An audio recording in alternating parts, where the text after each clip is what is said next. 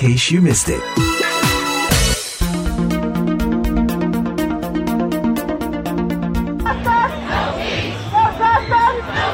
Ya, para pendengar Voice of America, kembali saya Fahmi Zia Fahari dalam In Case You Miss It yang kali ini kita akan kupas soal pembatalan Roe versus Wade oleh Mahkamah Agung Amerika pertengahan Juni lalu yang mencabut hak konstitusional untuk aborsi, perlindungan telah ada selama hampir lebih 50 tahun di Amerika.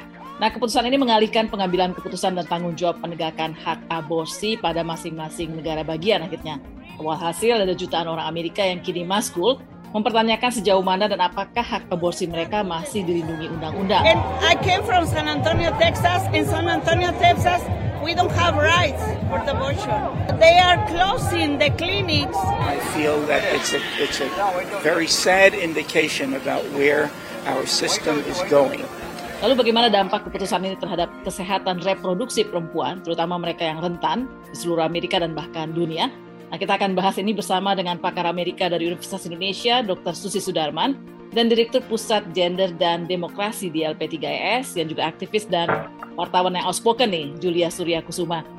Uh, terima kasih uh, Mbak Julia dan Bu Susi dua-duanya sudah hadir bersama kami. Mbak Julia pertama barangkali, ini gregetan pasti ketika mendengar keputusannya Mahkamah Agung Amerika pertengahan Juni kemarin ya. Mbak Julia sendiri ngeliatnya gimana terhadap hak perempuan di Amerika, uh, terutama hak untuk menentukan apa yang bisa dilakukan pada tubuhnya sendiri. Ini lepas dari soal kontroversi soal bahwa aborsi itu legal nggak legal, tapi hak perempuan sendiri atas tubuhnya sendiri, Mbak Julia. Ya jelas ini membuat lebih sulit ya situasi buat perempuan yang rentan, yang miskin. Gitu. Apalagi uh, kemarin ini baru pandemi ya. Kalau perempuan miskin itu paling rentan lah segala macam, apa pun terhadap kekerasan, terhadap kebijakan apa yang tidak ramah gender, karena mereka tergantung pada pelayanan pelayanan publik gitu gitu akan ber, berdampak gitu.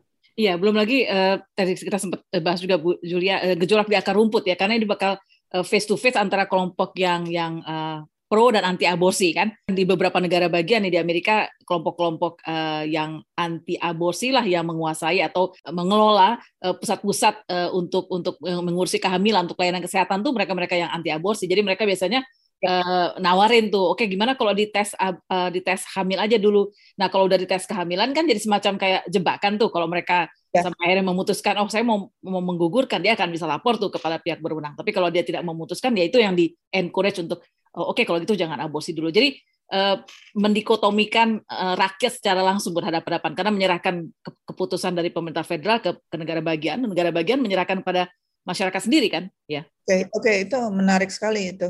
Itu saya saya saya sebagai orang Indonesia nggak nggak begitu sedetailnya itu. Kalau saya lebih melihat ke gambaran besarnya soalnya terhadap privasi terhadap uh, hak-hak perempuan lainnya gitu. Misalnya misalnya nanti untuk LGBT atau ke, kepada transgender, Pro ya, gitu nah, gitu. Itu memang yang menjadi target ya, ya eh, Bu Susi ya. Kalau Bu Susi perhatikan kan keputusan MA itu bahkan kemarin Clarence Thomas salah seorang hakimnya bilang uh, setelah urusan uh, hak untuk aborsi ini target berikutnya adalah membatalkan uh, putusan perkawinan sesama jenis yang tahun 2015 itu dan target berikutnya nanti lagi itu uh, soal hak untuk pakai tadi alat-alat reproduksi dan sebagainya, alat kontrasepsi maksud saya. Jadi secara secara lebih besar barangkali Bu Susi, lihatnya gimana sih Amerika ini kok jadi lebih konservatif dari negara yang lebih konservatif, tadi menjadi beacon of hope-nya uh, kita, negara demokrasi kok jadi kayak gini ya? Melanda seluruh dunia. Kalau saya merujuk kepada studi Stanford University tentang global populism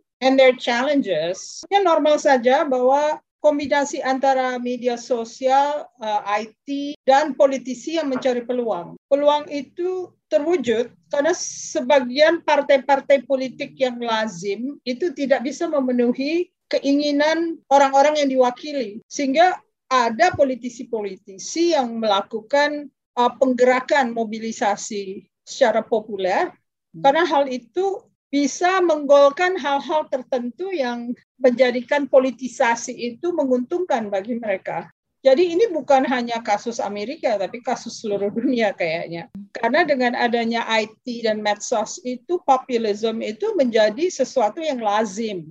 Hmm. Nah, populisme itu bisa berarti meredefinisikan masyarakatnya, menunjukkan mana yang baik, mana yang buruk, bahwa yang sebelumnya itu tidak baik, lalu mendikotomikan yang berkuasa itu buruk dan yang tidak berkuasa itu baik. Jadinya peluang-peluang untuk menjadi fasis atau right wing itu terbuka. Bukan hanya di kalangan right wing ya, left wingnya juga termobilisasi karena hal yang sama. Jadi karena ada dikotomi antara elit dan massa itu, akhirnya yang terjadi adalah yang bertarung itu kuat-kuatan, kuatan mana gitu, yang kiri sangat kiri, yang kanan sangat kanan. Jadi uh, global populism itu munculnya menurut Stanford ini adalah karena tidak bisanya uh, mainstream parties to represent constituencies. Jadi dianggap orang-orang itu sudah begitu tamak, begitu puas dengan kondisinya. Kalau kita lihat sekarang misalnya pertarungan antara established Republicans versus established Democrats, kan di atas itu, yeah. di bawahnya tuh populis Nah, populis ini digunakan oleh orang konservatif untuk menggolkan hal-hal yang menurut mereka harus diredefinisikan dan tertunda selama ini oleh political correctness, uh, fairness ideas, equality dan segala macam yang dijaga yang sebetulnya kalau kita tilik lebih dalam lagi sebenarnya Samuel Huntington telah menentukan who are we. Dia bilang kalau Amerika itu sudah tidak lagi Presbyterian and white Anglo-Saxon, kualitas sifat Amerika itu berubah dengan sendirinya. Nah, orang-orang yang kanan akan mengupayakan mengembalikan supremasi kulit putih dengan segala macam restriction. Lalu yang kiri mencoba mengarahkan bahwa Amerika ini sudah berubah. Jadi sebetulnya Samuel Huntington tuh like it or not menjadi tokoh di dalam American Academy of Science. Dan apa yang dikatakan itu terwujud karena pembelahan-pembelahan di seluruh dunia maupun di Amerika dan di Indonesia itu terjadinya karena masalah-masalah isu yang paling intrinsik lah, yang kalau dulu kita bilang primordial instinct lah, ku, agama, kelas, dan sebagainya. Jadi kalau mau mem memilah ini, nggak bisa lepas dari kondisi IT dan medsos itu sangat mengerucutkan segala macam politik menjadi mobilisasi massa karena mudah sekali mengumpulkan orang dan uh, ada echo chamber. Kita hanya mau bergaul dengan orang yang sama. Ada kita hidup di bubble masing-masing jadinya ya. Ya, jadi tidak ada sosial effort ya untuk menjadi sosial kepada orang lain. Kalau kita nggak suka sama orang lain, kita unfollow. We don't have to discuss anything, we just unfollow, unfriend dan segala Dari tarik macam. menarik itu collateral damage-nya kan kita, collateral damage-nya jadi warga kan, uh, apalagi kelompok-kelompok rentan kayak perempuan, LGBTQ, right? Right. Dan uh, democratic uh, elements itu punya vulnerabilities, uh, selalu terancam oleh populism melalui kondisi yang sangat rentan yaitu kalau kalah menang kan harus diakui, yang kalah harus mengaku yang menang, yang menang harus men melindungi yang kalah gitu ya. Itu kan sangat rentan ya karena konsepsi itu kan bisa dirubah-rubah, bisa dengan voter suppression, bisa dengan mobilisasi. Akhirnya yang terjadi adalah kondisi sekarang ini karena freedom of information itu adalah bagian dari demokrasi, orang bisa mengklaim cita-cita buruknya itu sebagai freedom of information. Dan third, ada gradual erosion memang dari uh, electoral schemes bisa menjadi electoral fraud. Mm-hmm. Seberapa jauh masyarakat itu sekarang distrust the political system sehingga mereka lebih mengandalkan populism. Mudah-mudahan kita tidak sampai separah itu pada saat pemilu 2024. Tapi I doubt it. Karena sebetulnya isu-isu yang mengekang itu jauh lebih kencang dibandingkan isu-isu yang membebaskan. Yeah. Ini yang menjadi masalah utama. Untung saja Saudi Arabia sekarang tidak mengharuskan jilbab sehingga ada pengaruh terhadap pemilu nantinya. Betul. Orang mulai sadar kalau kita kita share semuanya yang terjadi di Saudi Arabia yang orang Indonesia tidak paham, mungkin kita bisa terlepas dari sektarianism. Dan ini juga Saudi Arabia melakukan ini karena mereka merasa mereka bodoh dan mereka hanya memberikan uang kepada Wahabi, ternyata Wahabi nggak pernah setia kepada mereka. Akhirnya mereka tumpas semuanya dan uang-uang nggak jatuh lagi ke kelompok Wahabi dan perempuannya dibebas. Nah ya. ini dia. Jadi it's a general phenomena. Ya. Kalau Bu Julia sendiri melihat melihat dampak keputusan MA ini ke MA-nya Amerika maksudnya ke Indonesia gimana? Karena jadi ini menjadi menjadi alat untuk menghantam uh, kesehatan reproduksi kita di di Indonesia sendiri. Orang akan bilang lihat aja tuh Amerika aborsi jadi larang, masa di Indonesia diperbolehkan, misalnya gitu kan. Uh, hmm. Mbak Julia, itu gimana dampak itu ke, ke kita, ke Indonesia? Ya, memang ini uh, Castro ini kan sudah menjadi sesuatu yang uh, terus menerus diperjuangkan uh, dan dipertentangkan dari dulu. Untuk kita kasih gambaran yang lebih besar itu selalu tuh isu-isu perempuan yang ter, apakah itu uh, aborsi atau apa atau LGBT itu itu kan adalah satu cara untuk memobilisasi untuk tujuan politis gitu. Tapi saya memang mengikuti ini dan terus terang waktu hari itu waktu diputuskan itu uh, Roe Roe v Wade itu dihapus gitu ya itu saya tuh aduh sedihnya luar biasa. Amerika itu udah udah udah bukan demokrasi lagi dan di, di daftar itu juga indeks demokrasi itu dia division democracy. Jadi sudah tidak dianggap demokrasi yang sempurna gitu, yang yang baik gitu. Terus pada saat yang sama juga kan sekarang ini lagi ada apa pengadilan atau hearing? Apa yang kasus uh, Januari atau hearing, hearing. dengar pendapat. itu, ya. kan? itu juga waduh itu dengan si si perempuan muda itu. No this young person si ya 25 tahun ini. Oh Cassidy. Cassidy, Hutchinson. Cassidy Hutchinson ya. itu itu kan luar biasa gitu kan. Itu menunjukkan bagaimana Trump itu betul-betul ya gila gitu udah unhinged ya dan itu Amerika itu katanya kan pemimpin adalah cermin dari rakyatnya gitu. Jadi ini berarti rakyatnya juga unhinged juga gitu loh. Gitu. Jadi nah, ini nanti kalau misalnya misalnya Demokrat kan menjadikan ini semua untuk mendorong orang supaya memilih di pemilu setelah nanti ya November. Bakal berhasil nggak kira-kira Mbak Julia atau Bu Susi? Itu bergantung kepada seberapa jauh aktivisme dari orang Demokrat karena biasanya mereka kurang mau ikut serta dalam pemilihan umum midterms. Ya, betul. Jadi kalau midterms ini habis Demokrat, ya selesailah segala perjuangan dari uh, kelompok kiri yang yang menginginkan kebebasan itu dan keadilan. Jadi ada teori lain, misalnya Hirschman, Albert Hirschman mengatakan yang paling berbahaya itu orang kaya yang takut miskin.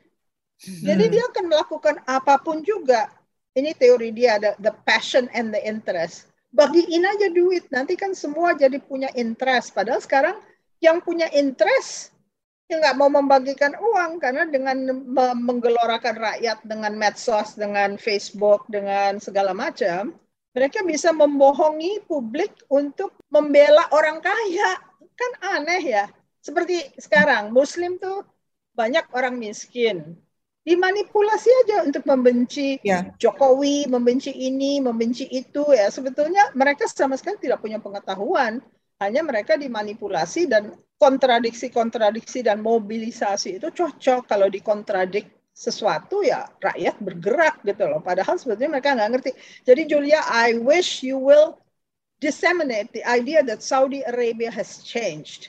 Yes, no, I, I I do. Whenever I can, I do pakai komik, pakai animasi, pakai segala macam supaya orang sederhana itu paham. Kadang-kadang kita yang elit ini kalau ke desa kurang paham gitu. Jadi mesti ada layar tancap, mesti ada pamflet, mesti ada yellow papers. Kebalikan yang terjadi. Ya. bukan bukan hanya itu, karena orang Indonesia pemalas. Kan hanya kamu sama saya yang sering ngomong-ngomong berpikir.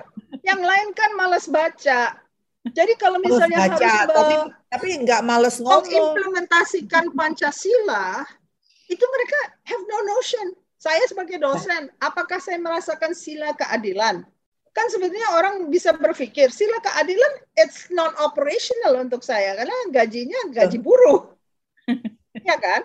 Iya. Yeah. Jadi sebetulnya orang pinter pun tidak mau membela Pancasila walaupun eh, saya membela loh saya sekarang ini lagi fokus banget sama Pancasila nanti saya saya kirim apa saya kirim apa yang saya udah tulis Eva, I will, I will, I will, I will. Ya, nanti saya kasih. Saya udah nulis banyak sekali soal ini gitu, soal soal soal ulama uh, apa feminis muslim, saya bikin webinar tentang femi, feminisme sekuler dan muslim. Pokoknya banyak lah yang saya saya tulis. bikin animasi Julia, animasi lancar tan layar tancap karena penduduk okay. kita sebetulnya responsif terhadap fisik tapi tidak responsif yeah. terhadap ilmu. Jadi ya, ilmu jauh-jauh gitu loh, harus dibikin ya, kartun, mesti dibikin film, mesti dibikin apa Yeah. dongeng baru mereka dengar. Yeah. Kalau enggak ya Betul. forget it. So uh, at the end, uh, all hope is not lost, right? I mean masih ada masih ada Yeah. peluang untuk terus berjuang bahwa memang kita menghadapi sistemik rasisme, seksisme, oppression, tapi tetap ada ada orang-orang kayak Bu Susi, Bu Julia, juga banyak sekali aktivis perempuan di Amerika ini yang terus bersuara supaya hak hak perempuan tetap bisa ditegakkan walaupun di situasi sulit kayak gini ya. Iya, iya. S- s- Saya ini kok timingnya kan saya di- diminta jadi itu em, mendirikan pusat gender dan demokrasi awal tahun ini ya. Ya. Gitu itu tuh karena saya kan dulu ada kerjasama dengan LP3S dan Prisma itu dari dulu gitu karya-karya saya tuh eh, yang em, state ableism itu akibat eh, saya kerjasama dengan dapat institutional support dari LP3S. Jadi waktu ulang tahun LP3S ke ke-50 saya diminta bicara. Saya bilang, "Oke, kita udah tahu udah dipuji-puji LP3S, tapi ada satu kekurangan yang sangat-sangat buruk yaitu tidak ada perempuan dalam eh, pengambil keputusan yang eh, tinggi gitu ya posisinya tinggi. dan tidak ada gender perspektif 50 tahun 50 tahun LP3S Nah, sekarang ini terus saya diminta mendirikan ini. Jadi saya itu yang harus saya ta- eh, yang saya ingin tanamkan kepada mereka adalah bahwa gerakan perempuan feminisme itu bagian integral dari demokratisasi. Tapi masalahnya mereka mau nggak sih benar-benar demokratis? Itu yang jadi pertanyaan bagi saya. Betul, betul. Bu Susi, terakhir?